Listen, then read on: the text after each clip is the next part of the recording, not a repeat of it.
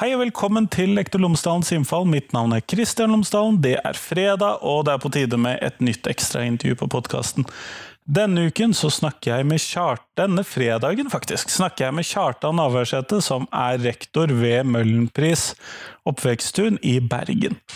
Vi snakker om eh, rektors møte med og ansvar for eh, miljøet til elevene og til lærerne, og hvordan man, han som rektor møter alle disse gruppene som eh, en rektor håndterer i hverdagen, enten det er lærere, elever eller foreldre. Vi snakker om hvordan skape trygg skolehverdag, og vi snakker om en del om fagfornyelsen, en del om trygge miljøer, og mye om elever. Men det får du her på intervjuet. Ellers er podkasten sponset av Cappelen Dam Undervisning, og inne på skolen.cdu.no så finner du alle læremidlene som Cappelen Dam har for fagene og temaene i grunnskolen. Så på skolen.cdu.no altså, så finner du for alle temaer, alle fag, i hele grunnskolen. Men her kommer intervjuet med Kjartan Navarsete, vær så god!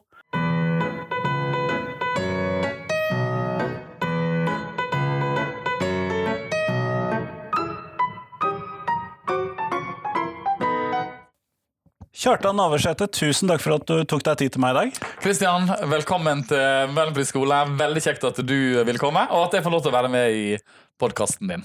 Før vi starter selve intervjuet, så lurte jeg på om du kunne fortelle lytterne mine tre ting om deg selv, sånn at de kan bli litt bedre kjent med deg. Du har jo allerede sagt hvor du jobber. Ja, eh, jeg, da, jeg, kaller meg den heldige rektoren på eh, Møhlenpris eh, oppveksttun skole, som det nå heter.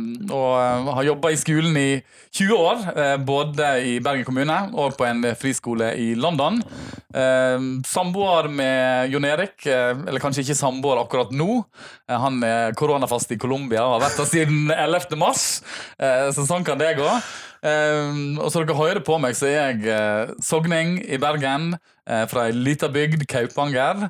Uh, og så nå er jeg rektor på bygdaskolen midt i Bergen by, som jeg liker å kalle det. Det blir jo nesten ikke mer midt i Bergen by enn dette. Nei, Men Møhlenpris er ei lita bygd, og jeg tror det er en fordel, selv om man er sentralt i Bergen. så er det tette nettverk mellom skole, eh, de som bor på Møhlenpris, eh, barnefamiliene som vokser opp her. Eh, og når jeg beveger meg gjennom Møhlenpris som rektor, så er det mye hei og 'Hei, Kjartan. Hei, rektor.' Og så beveger jeg meg over Nygårdshøyden, og plutselig så er jeg i Bergen. jeg går fra Møhlenpris og Bergen. Så Møhlenpris er si, en, en, fin, spesiell liten bydel der det er kjekt å drive skole. da. Og her har du jo elever Du har jo en ganske blandet elevmasse, sånn som jeg har forstått det. Ja, på si, eh, når jeg kom til Bergen i jeg tror det var 1997, jeg si, det begynner å bli noen år siden, eh, så eh, bodde jeg faktisk på Møhlenpris i bofellesskap som student. Som mange andre. Eh, ja, som veldig veldig mange andre. Og da kommer man gjerne fra hele Norge. Eh, så kjøpte jeg min første leilighet her. Eh, og det var først da jeg flytta til Nordnes for noen år siden at jeg søkte rektorjobben på Møhlenpris. Og da fikk jeg egentlig opp seg Én eh, fot i begge leirer eh, i Bergen. Flotte Nordnes, og så fremdeles en fot på Møhlenpris. Men eh, på Møhlenpris finner du egentlig det meste av det beste, om en kommer fra hele Norge. eller om man kommer fra egentlig hele verden. jeg tror vi vil ha 35-40% flerspråklige barn her. og jeg tenker det er Jeg tenker det er nøkkelen til, til Møhlenpris, og vi som jobber her at alle elever, uansett hva bakgrunn man har, så er man en ressurs, og det er vår jobb å finne holdt på å si, hva, hva er det beste hos hver enkelt elev. Eh, og vi er på jobb, og jeg tenker da får vi egentlig til, da. Eh, på en god måte. Eh, og så har jo jeg bakgrunn fra Rotthaugen skole. Som jeg, jeg si, en av de største ungdomsskolene i Bergen? Ja, sant, som er i Bergenhus bydel. Jeg liker å holde meg eh, i sentrumsområdet. Eh, og der er det si, et sammensatt elevgrunnlag. Så jeg, så jeg er vant med å jobbe på den måten. Vant til å omgås folk som kanskje ikke er helt lik seg sjøl. Og tenker det er en kompetanse som er viktig å ha med seg. Både som voksen, som rektor, som lærer, som forelder, og ikke minst som elev. At man faktisk lærer seg å omgås andre som ikke er helt lik deg sjøl. Og det kan være krevende, men eh, jeg tenker i utgangspunktet så det er en stor ressurs. Eh, og jeg tror ikke jeg tenker på det egentlig i hverdagen. For på Møhlenpris skole så er det gode system som er i gang, eh, og som man kanskje ikke tenker på er der i hverdagen. Eh, men jeg blir overraska når jeg kommer til andre skoler i, i Bergen by, eh, der man har kanskje en veldig homogen elevgruppe. Og da blir jeg faktisk litt overraska, for det har egentlig ikke vært min hverdag eh, når jeg jobber i skolen da, her i Bergen. Eh, men det er givende, og det er spennende, og ingen dag er si, lik. Og det er jo det som er kjekt, egentlig. Om man jobber som lærer eller rektor eller fagarbeider, så tenker jeg alle liksom, de jobbene er viktige i skolen. da. Jeg tenker Det er en ting som jeg jobber mye med her på Møhlenpris. At alle har sin viktige brikke, og det er det som driver oss framover. Si. Ja. Og det er jo nettopp en av de tingene som jeg hadde lyst til å spørre deg om, fordi at ofte så snakker jeg med eh, lærere på podkasten. Jeg snakker av og til med foreldre. Jeg har veldig få intervjuer med rektorer. eh, det har bare blitt sånn. Ja. Men en av de temaene som veldig ofte kommer opp, det handler jo om hvordan vi skal skape trygghet for alle disse elevene. For noen elever, de er jo skole... Godt skoletilpasset allerede fra de kommer inn døren. Ja. Eh, og andre elever passer vel egentlig ikke inn her den dagen de går ut, heller. Ja, ja. Nei, nei, det er sant. Eh, for meg som lærer eller som person eller som rektor, så jeg har alltid den relasjonsbiten. Eh, da å, jobbe med mennesker, og da møte mennesker. og jeg tror jeg har trivdes egentlig i alle jobbene jeg har hatt. Jeg tenker Det må være et godt tegn. Og at man tar den med seg. Og, og, og, så er det jo liksom når man går fra lærer å være tett på elever og veldig tett på foreldre, eh, å ta med seg den biten inn i rektorjobben og finne mulighetene. Hvordan skal jeg fremdeles kunne møte på lærere, elever, foreldre? Eh, og, og danne og, og, modellere og skape forventninger til alle de som jeg har rundt meg. Da. Så eh, min dag begynner vel egentlig på eh, skolen sammen med lærerne. Jeg møter faktisk alle lærerne mine klokka åtte hver morgen. Da har vi en liten sånn eh, briefing. Hva skjer i dag? Hvem er på besøk? Hvem er ute av huset? Er noe spesielt vi må huske på? Det har vært veldig greit nå i disse koronatider at man kan ha en liten sånn statusoppdatering. Varer kun ti minutter, men jeg, jeg håper jeg får liksom Hils på lærerne mine, si god morgen, alle sammen. I dag er det mandag, klar for ny uke. Eh, og så eh, går det egentlig slag i slag med å ut i skoleporten, møte på eh, elever som kommer. Eh, da står jeg der ute, eh, møter på foreldre. Får si god morgen, si smile. Si bare den lille, lille, biten som faktisk kan bety så mye at jeg får lov til å gjøre det. Samtidig så står lærerne inne og møter på dem. Og bare der Allerede har vi starta dagen med å møte på hver enkelt av elevene våre. Og Da tror jeg det er kjempegod start. Og så ser vi an formen. Hvem er i humør i dag? Hvem trenger litt ekstra oppfølging? For Vi er en sammensatt gruppe, og noen med ulik bakgrunn, og noen trenger mer støtte og hjelp. og si, eh, gjennom eh, skoledagen. Og så er det dette med å møte foreldre, og spesielt kanskje til de minste. Ja, for her er, Dette er jo en barneskole. Ja, dette er en barneskole. Det er en 1-10-skole. Eh, nei, 1-7-skole, beklager. 1-7-skole. Eh, eh, egentlig så er det en skole i stor vekst. Når jeg begynte som rektor, så var det 154 elever her eh, på skolen. Det var ikke mange. Og da var vi, ja, da var vi enda mer enn bygdaskole. Vi er fremdeles da. Men eh, da var vi i si, eh, paviljongen, som man så fint kaller det, oppe ved Sydneshaugen. Eh, I midlertidig bygg, mens vi venta på at Møhlenpris skulle bli totalrenovert. Uh, og Det er jo en gammel, fin skole fra 1912. Det ser ut som en skole. Du tar ja, ikke feil. Det gjør nok da. Det er en eh, pen, gammel byskole fra 1912 som passer inn i uh, Møhlenpris bydel. Men når du kommer inn, så ser det ikke ut som, uh, som 1912. Der har vi holdt på å si tipp topp si, utstyr og nye, fleksible læringsstadial. Nå sporer du meg helt av her. altså, jeg bare snakker. Men det, men det får bare være. men jeg tenker å, å møte si, lærere, elever, foreldre. Eh, det lille smilet som skal til. Eh, ta temperaturen på hvordan de ulike elevene har det. Eh, lav terskel for foreldre å tatt kontakt med meg i skoleporten. Kanskje ting de vil diskutere, eh, men kvier seg kanskje for å gi beskjed. Eh, og det er jeg veldig tydelig på, egentlig. Jeg har jo et svære vindu inn til kontoret mitt her. Jeg har en dør. Og det er gjerne meg de kommer til før de kommer til si, konsulenten min, som sitter egentlig ved siden av. og da tenker jeg helt supert. Men for noen så er terskelen lav for å ta kontakt med rektor. Uh, og jeg ønsker jo ikke det. Jeg ønsker at man skal ha en dialog. Uh, både når ting fungerer, uh, og når ting kan være vanskelig. For det er krevende å jobbe som lærer, det er krevende å jobbe som rektor, men det er kjempespennende og kjempegivende. og det er den dialogen som må på plass. Jeg så gjennom den relasjonsbiten, ha den gode dialogen, være mottakelig, lytte til de jeg har rundt meg, om det er store eller små. Og da tenker jeg da kan vi egentlig løse det meste. Og så er det én ting som jeg syns er kjempeviktig, det er jo da å kunne justere seg. da. Jeg tror ikke jeg var så god til det da jeg begynte som lærer. Eh, Nei, det er da man er minst flink til det. Ja, for da kommer du du er ferdig utdanna, du har eh, mye fagkunnskap du har lyst til å få ut, og så gjør jeg, ikke eh, elevene alltid det du tenker de skal gjøre, basert på det du har planlagt. Eh, og de er flinke til å, å, på seg, de tar nok lærere veldig kjapt, og er man usikker, så er de òg er de der med en gang. Men eh, da justere seg og ikke la seg provosere, eh, da å kunne ta imot kritikk eh, og, og det ønsker man jo, og det ønsker jeg òg, både fra foreldre, eh, fra lærere, eh, fra elever. Og det er det som egentlig eh, tar oss videre. For her på Møhlenpris er vi nok enige om hvordan vi ønsker å ha det. Og så møter man på uh, seg, humper underveis og på seg, uenigheter. kommer hverdagen. Ja, men de diskusjonene de skal vi ha, og de uenighetene skal være der. Jeg tenker, uh, Man skal ikke liksom slå ned på det. Jeg, seg, de må opp, de må fram, og så må de diskuteres. Og så trenger ikke vi alltid å være enige, men seg, man finner ut av hvordan vi kan leve med det sammen. Da. Men da justere seg og ta et skritt tilbake og lytte, for meg har det vært egentlig kjempeviktig. Uh, og da bruker jeg å si, i dag.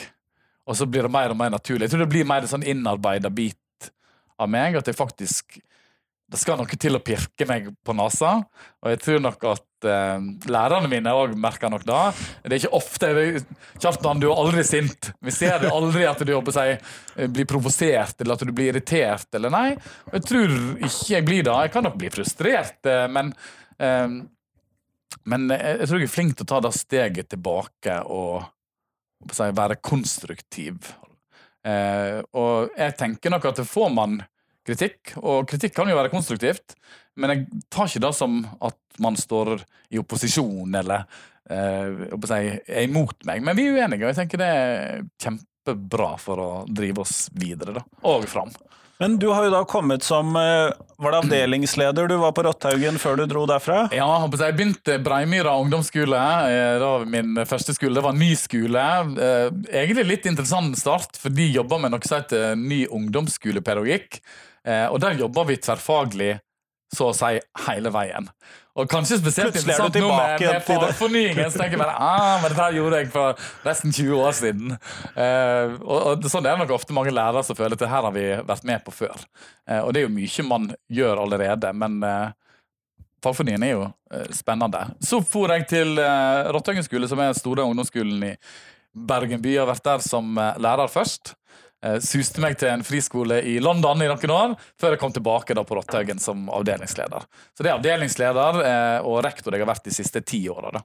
Men når du da skal, fordi at nå så møter du jo uh, første til sjuendeklassinger som enten er trygge eller utrygge, eller noe midt mm, imellom. Mm, mm. Mens du da på Rotthaugen så møtte du litt større barn som var i den samme situasjonen. Ja. Eh, hvordan syns du det har vært, også, hva skal vi kalle bytte relasjonsbeite? Eh, nei, da, da, er du inne på det her med å møte mennesket igjen. Og da husker jeg jeg var på intervju. Kjartan, du har jo all erfaringen din fra ungdom, og, nå skal du ned som rektor på barneskole. Hvordan vil du takle å møte de små barna? Og så tenker jeg ja, ja, ok. Eh, jeg har jo ikke håper jeg, jobba på barneskolen før.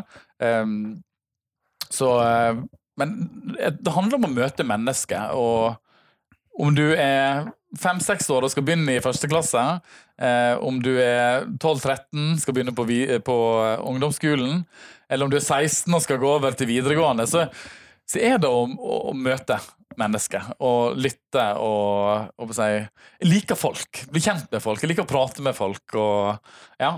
Eh, og kan man få en fag, så er jo det òg eh, supert. Men jeg er jo norsk- og engelsklærer, det er jo det som er fagene mine. Jeg lurte litt på det. Ja, ja. ja det er det jeg har undervist i da, i si, 15 år til jeg ble rektor. Nå er det jo ikke undervisning i min stilling som rektor, men jeg har sneket meg til uh, å være med uh, i um, undervisning, så jeg får lov til å undervise ti ganger i løpet av året.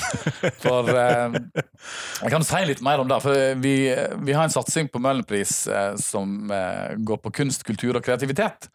Eh, Ja. Der vi tenker at eh, å ha en annen tilnærming til læringen enn kun ha tradisjonell klasseromsundervisning, eh, men at man kan være kreative. Bruke kunst, eh, kultur, og da tilby barna en annen inngangsport. Altså I løpet av året så har vi ti temadager, én hver måned. Og da bruker vi egentlig eh, eh, de voksne sin ressurs. Det, jeg og Det trenger ikke å være norsk og engelsk som er mine fag.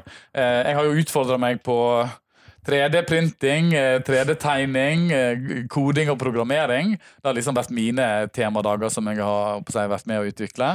Eh, Men eh, da har vi ti temadager. Eh, Alle lærerne våre er fordelt på sin gruppe, eh, og så blir alle elevene fordelt på tverrfaglige eller elever på tvers av trinn. Så Da kan det være elever fra første til syvende trinn og eh, innføringsklassen vår som er miksa inn på én gruppe.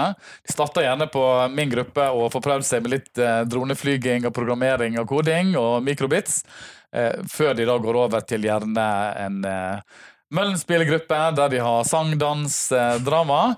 Eh, og så er de kanskje inne og, og forsker litt eh, på forskerrommet vårt. Eh, der de hadde tema vann, var det vel egentlig i fjor. Da var de nede og henta fisk i Puddefjord, eh, Puddefjorden. Vi har jo en strand der. Det er ikke så langt ned, nei. Nei, det er nærmeste nabo. og Man finner mye på bystranden her på Møhlenpris. Eh, vi hadde òg Bossby-prosjekt, der man samla boss på Møhlenpris. Jeg tror vi fikk i overkant av 50 kilo i løpet av et år, der vi bygde en bossby. Eh, så elevene er ulike, innom ulike stasjoner i løpet av et år. Eh, og tanken er jo at de skal få prøvd seg på noe annet. Eh, de skal få den herre Wow, nå fikk jeg det til. Nå skjønte jeg det. Og lære på en litt annen måte. Og så kan det, Jeg tenker jo at jeg vil jo at lærerne mine skal komme og spørre om å få låne dronen når de skal ha geometri, når, de, når de skal ha, om, eh, ha matematikk. Og det er en fin start til hvordan Skal de ha med 90 grader? 45 grader. Hvordan kan de programmere dronen til å fly i en kube? Jeg synes Det er litt stilig når en førsteklassing faktisk får det til. Eh, Og tenkt ut hvordan dronen skal fly, eh, og hvordan den skal snu seg, lette, lande. Eh, Ja, og kjekt. Og da er de motivert, istedenfor å bare starte med, med boka. da. Hadde eh, vi var, Jeg tok med meg hele gjengen til London her eh, og besøkte Anne Bamford som en forsker. på... De ansatte, da, Ja, de ansatte. Ikke elevene. Skulle gjerne hatt med de òg. Men eh, har vi jobba med det som heter wow-faktoren. Og det er jo òg en del av eh, den alternative tilnærmingen til læringen. At, eh, da har jeg et eksempel. Vi hadde et, en, en temadagsgruppe som het eh, Kjedereaksjon.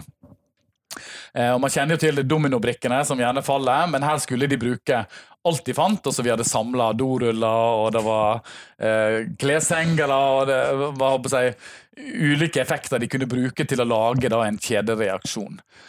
Og da har du gjerne sant, en elev som eh, ikke vil lære, som eh, gjerne ligger under bordet, eh, syns skole er vanskelig. Eh, og når man har hatt temadagen, skulle ha det her prosjektet, hvem er det som tar ledelsen, kontrollen, styringen, får dette her til? Og får kommentarer fra de andre på gruppen. Du, han er jo helt fantastisk. Supert. Og da får du den her wow, du fikk det til. Eh, og eleven mestrer. Og det er vel egentlig da vi er ute etter at eleven skal mestre, få til noe, finne hva eleven kan, eh, og så bygge videre på egentlig da. da.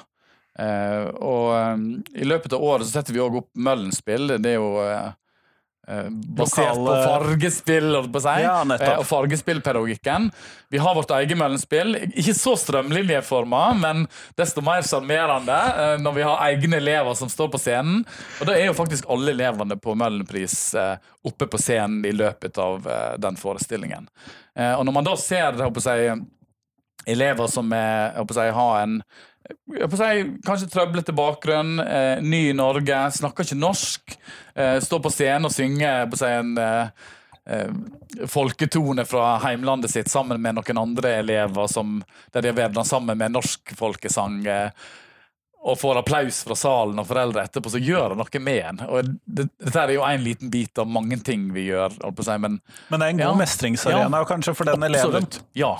Og, og det er det jeg tenker at de ønsker vi å gi oftere. Ikke en gang i måneden eller når vi har Møllenspill, men at det skal være en del av hvordan vi jobber. At, vi skal finne Vi skal ha elever som mestrer, som eh, er motiverte, som ønsker å lære mer. Da. Og ta det her med inn når man skal lese, og når man skal skrive, og når man skal regne og jobbe med fag. For jeg tenker man kan gjøre det på mange spennende måter. Og så tror jeg fagfornyen òg legger opp til at det faktisk vi tør å å utnytte det handlingsrommet som faget gir. da. For Én ting er å lære om jeg, si, menneskeverd og medmenneskelighet, men hva kan vi gjøre? håper jeg? Det er å lese om det, men faktisk å gjøre noe. Gå ut, finn på noe. ja. Og tverrfagligheten, ikke minst. Eh, Men spennende. Så Spennende tid i møte. Men eh, ja. Men så, sånn at eh, Hvis jeg da tolker deg riktig, da, så har ikke du et så stort ønske om at du skal holde nødvendigvis elevene bak pultene? da. Det høres jo ikke helt sånn ut. Nei, det, det er faktisk sant. Vi må jo da, tenker, eh, Det er ikke enten-eller, men jeg tenker eh, at vi skal få elevene med oss. det må vi ta på alvor. Og så er jeg litt opptatt av Per og Pål på bakerste rad, der de ikke får lov til å melde seg ut eller ligge og sove. Og det gjelder jo om man går på, på småskolen, på ungdomsskolen eller, eller videregående. Eh, At, at vi har et ansvar for å få alle med, egentlig. Og hva gjør vi med de elevene som vi ikke treffer helt? Eh, Og da tenker jeg vi må snu på hver stein. og eh, og få det til. Hvordan kan vi få den eleven med oss? Og da tror jeg på å si, det er et fokusområde på å si, for meg her som, som rektor. For om du er på Møllenpris, om du er fagarbeider, om du er rektor, om du er konsulent, renholder eller lærer, så har alle en viktig jobb her. Og jeg tenkte på det først kanskje halvåret når jeg kom inn her. og tenkte nå er jeg rektor. Nå har jeg ansvaret for alt som foregår på enheten, og det har jeg jo. Men Blir litt svett, kanskje? Nei, var bare sant? hvordan skal dette her gå, tenkte jeg egentlig. sant? Eh, Jeg hadde jo vært avdelingsleder for, eh, på, en, på en mye større enhet og hatt like mange elever på det trinnet jeg var avdelingsleder for på ungdomsskolen som jeg skulle være rektor for her. Men i tillegg så hadde jeg avdelingsledere og lærere skulle eh, være med meg. Men nå tenker jeg egentlig ikke sånn i det hele tatt. Og jeg håper og tror òg at de som jobber på Møllenpris, opplever at vi er en gjeng som løser det sammen. Eh, for utfordringer det, det er der, eh, og de skal være der. Om det er faglig, om det er sosialt, eh, eh, så vet de at de har en rektor som backer de opp, vi fikser det sammen, og det er ingen som står alene. Det, det, si, det tror nok ikke avdelingslederne mine gjør, eh, det håper jeg og tror ikke lærerne mine gjør, for det skal være en åpen dør-politikk, og er det noe man syns er vanskelig, så er jeg her alltid for å være med. Så det- Ja, skulle gjerne hatt en lærer her som kunne bekrefte det. men, men derfor mine, jeg opplever i alle fall det sånn, og jeg har en kjempegjeng her som egentlig gir jernet hver dag. Eh, Så nei, jeg tenker ikke på at det er jeg, eh, rektoren, som skal si, eh, ha ansvaret, eller som skal ta støyten. Jeg tenker vi gjør jobben sammen, og det er derfor jeg er her. Men så klart, jeg er jo ansvarlig. Eh, Og jeg har jo en styringsrett og en styringsplikt, og jeg må benytte meg av den. Men, men eh, hvis det er nødt, så kan jeg være tydelig. Men eh, det er svært sjelden jeg er nødt. For, ja, man har gode dialoger. jeg, og jeg har kjempe, kjempefolk rundt meg. Og det har jeg egentlig alltid hatt. Det har vært stortrivd siden jeg, og det sa jeg siden jeg var lærer i, begynte i 2000, eh, som avdelingsleder, nå som rektor. Så ja, jeg tror det kan man gjøre det til. Bruke handlingsrommet. Og igjen handler om å møte mennesker. og Men når du da eh, når du da skal få til dette med de lærerne, og Ja. du da skal ha åpen dør med dem, og du Ja. skal de skal gjøre ganske mye for Ja. ganske mange elever. Så er jo mitt spørsmål da, hvordan sørger man for det som rektor, at man gir lærerne det de trenger for at de skal oppfylle det, da? Hvis du skjønner spørsmålet mitt. Ja, på å hos meg eh, så er alle med på utviklingsarbeidet hos oss. Når vi, eh, på å det jeg ser etter, jeg ser etter gode strukturer i skolen. Eh, Vi jobber mye med kultur. Da tenker jeg på hvordan vi har et arbeidsmiljø som er positivt, eh, imøtekommende, god stemning. Det er veldig mye latter der på huset. Eh, Jeg tenker det er et eh, godt tegn. Eh, Og så ser vi på, på ledelse for læring. Og egentlig alle de si, faktorene. Hvordan leder det til best mulig læring for elevene. Eh, Og så er det én ting som vi eh, jobber med, og det er den forventningsavklaringen på alle ledd. Det har jeg i ledergruppa mi. Eh, Hva forventninger har de til meg? Hva forventninger har jeg til min ledergruppe? Eh, og det kan bare være så enkelt til hvordan gjennomfører vi møtene. Eh, hvordan ønsker man å snakke til hverandre? Hva er målsetningen vår? Hvordan skal vi komme oss dit? Eh, og det gjør mine avdelingsledere med sine avdelinger. Eh, lærerne skal gjøre det med elevene sine. Og da er ikke det bare forventningen, hva forventning har læreren til eleven, men det er også hva forventninger har eleven til læreren. Og jeg tror Når man har de forventningsavklaringene, så spesielt eh, når det er så mange å si, voksne og barn på en enhet For vi er en liten bygdeskole. Eh, vi har jo òg en barnehage her, men til sammen så er det faktisk 5-76 ansatte med ulik bakgrunn. Eh, fra de som å si, har mange lektorer som eh, har en eh, høy utdanning, lærere, barnehagelærere. Jeg har fagarbeidere. Jeg har assistenter som ikke har på si, eh, utdanning, eh, men mye erfaring. Eh, og da å ha den forventningsavklaringen tenker jeg alfa og omega for å unngå å si, frustrasjon, energilekkasje. At vi blir enige om hvem gjør hva. Hva handlingsrom har jeg i jobben min? Hva er det læreren ønsker at fagarbeideren skal bidra med? For vi ønsker ikke radiatorlærere håper jeg, eller, eller fagarbeidere som, som ikke får et handlingsrom. For alle har egentlig enormt mye å by på. Eh, Og så er det jo å vise fram hva er det faktisk jeg sitter med av kompetanse, og hva kunne jeg tenkt meg å gjort eh, eh, for de elevene og for de lærerne. Og jeg tenker, alt det her er jo et sånt stort system som eh, er satt eh, i verk. Eh, samtidig så er lærerne mine en del av all utviklingsarbeid. Det er de som leder utviklingstidene våre. Eh, når jeg begynte som lærer, så husker jeg at jeg har sittet på gjerne to timers møte i uken der eh, alle lærerne møter jeg håper si, skoleledelsen. Jeg er kjent med de. Ja, jeg kjent ja, med de. Og så er det håper jeg, rektor som leder an og skal håper jeg, legge fram noen tall og resultat. Og så tenker man OK, halvtime greit. Og så mister man ganske mange eh, jeg, av de voksne òg, faktisk. Ja, vi, det, det der tar livet av deg etter 20 minutter. Ja, og, og det er der jeg tenker Hos oss så har vi fokus på eh, Vi har igjen hatt denne her standarden for eleven at vi skal ha aktive elever som reflekterer over egen læring. Eh, og Egentlig så skulle jeg tatt med på seg, hele podkasten inn i et læringsareal og sett hvordan på å man jobber. Eh, for du finner nok ikke den tradisjonelle klasseromsundervisningen. Det er nok en kort intro. Eh, og så jobber elevene på ulike stasjoner. De har gjerne eh, lærer som driver én stasjon med veileder lesing, skriving eller regning. Eh, du vil ha en kreativ stasjon, du vil kanskje ha en, en, en tredje stasjon som kan være digital. Og på et trinn hos meg så er det kanskje seks-sju voksne. Altså er det tett oppfølging på hver eneste stasjon. Er du der 20 minutter, halvtime, en time, så skifter du til neste. Så det er ikke sånn at du har en, eh, en times gjennomgang eh, med nynorsk på mellomtrinnet, f.eks.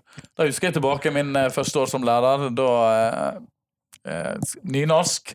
To timers forelesning, og da var det sånn gammel sånn, ikke flip-over, sånn overhead-prosjektor. Ja, Ja, de husker jeg også. jeg. ja, de har vi ikke lenger.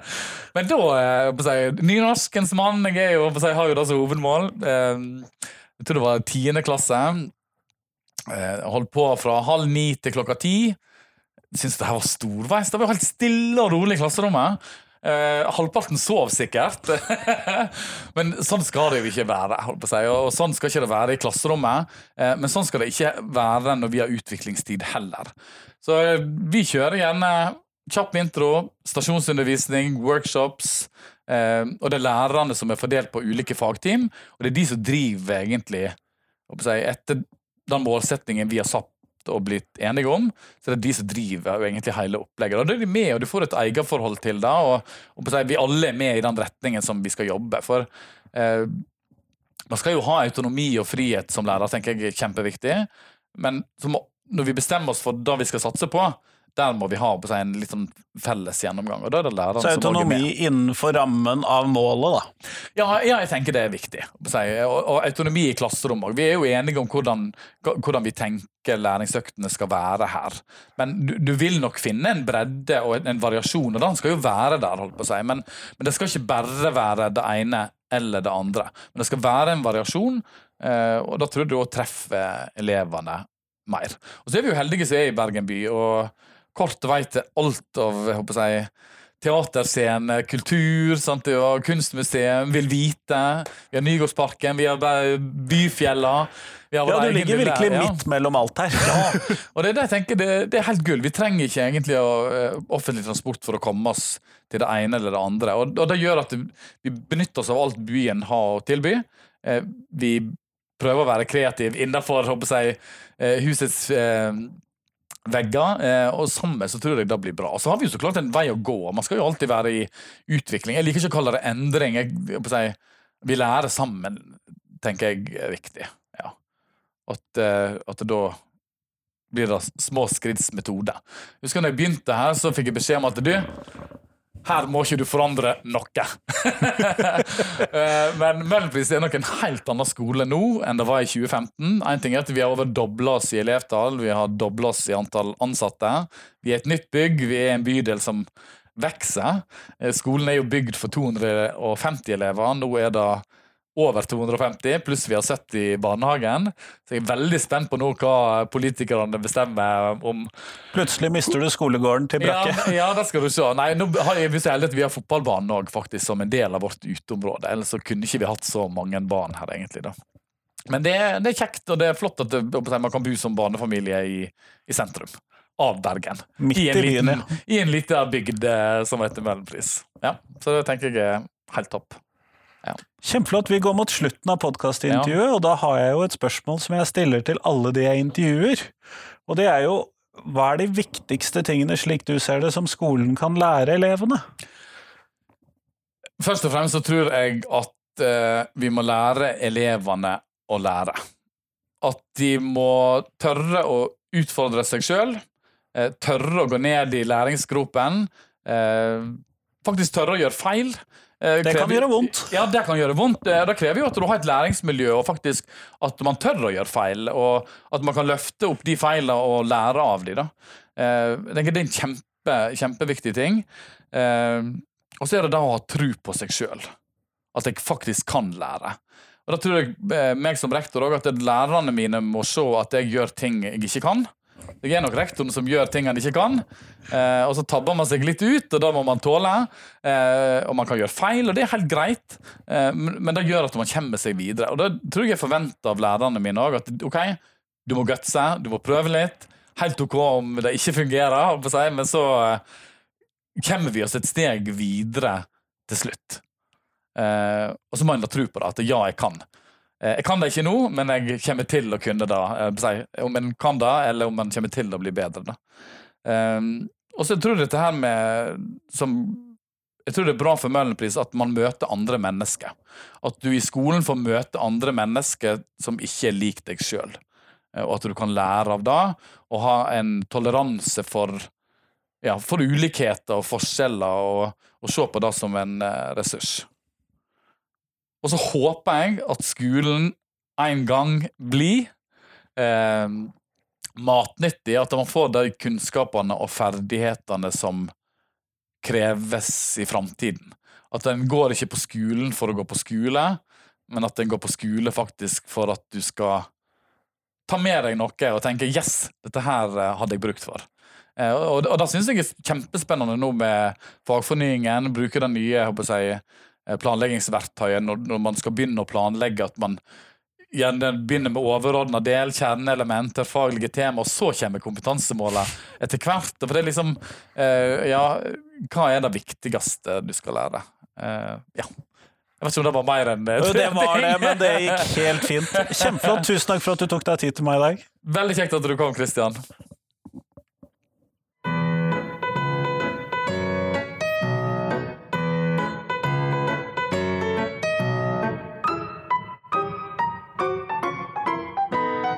Tusen takk til Kjartan, og tusen takk til deg som har hørt på. Nå er det fram til tirsdag så kommer neste intervju på podkasten, så du har en hel helg til å høre på interessante intervjuer på Lektor Lomsdalens innfall, hvis du skulle ha lyst til det. Det er jo 255 av dem, så noe interessant tenker jeg at det må være. Eller så håper jeg at du kan sende meg noen tips til hva jeg skal eh, lage intervjuer om på podkasten. Det er den måten jeg kommer på nye temaer å ta opp. Det er at du tipser meg. Jeg har god kreativitet til å finne på nye temaer, men eh, det hjelper hvis jeg får tips til et tema, et menneske, en organisasjon, et eller annet som kan bidra på podkasten. Det tror jeg blir kjempebra. Eller så håper jeg at du kan gå inn på Facebook-siden, eh, eller Instagram for den saks skyld, Twitter, på Lektor Lomsdalens innfall der, og så finne ukens Tenketorsdag spørsmål. Og det er rett og slett hentet fra det faste spørsmålet på podkasten Hva er de tre viktigste tingene skolen lærer elevene? Vanligvis er det de jeg intervjuer som får gleden av å svare på dette. Nå håper jeg at du vil svare på det. Så i hvert fall gå inn der og finn ukens Tenketorsdag-post. Den kom i går, da, sånn hvis du vil lure på hvilken dato det er på den. Men i hvert fall, fram til tirsdag så får du ha en kjempegod dag videre. Hei, hei!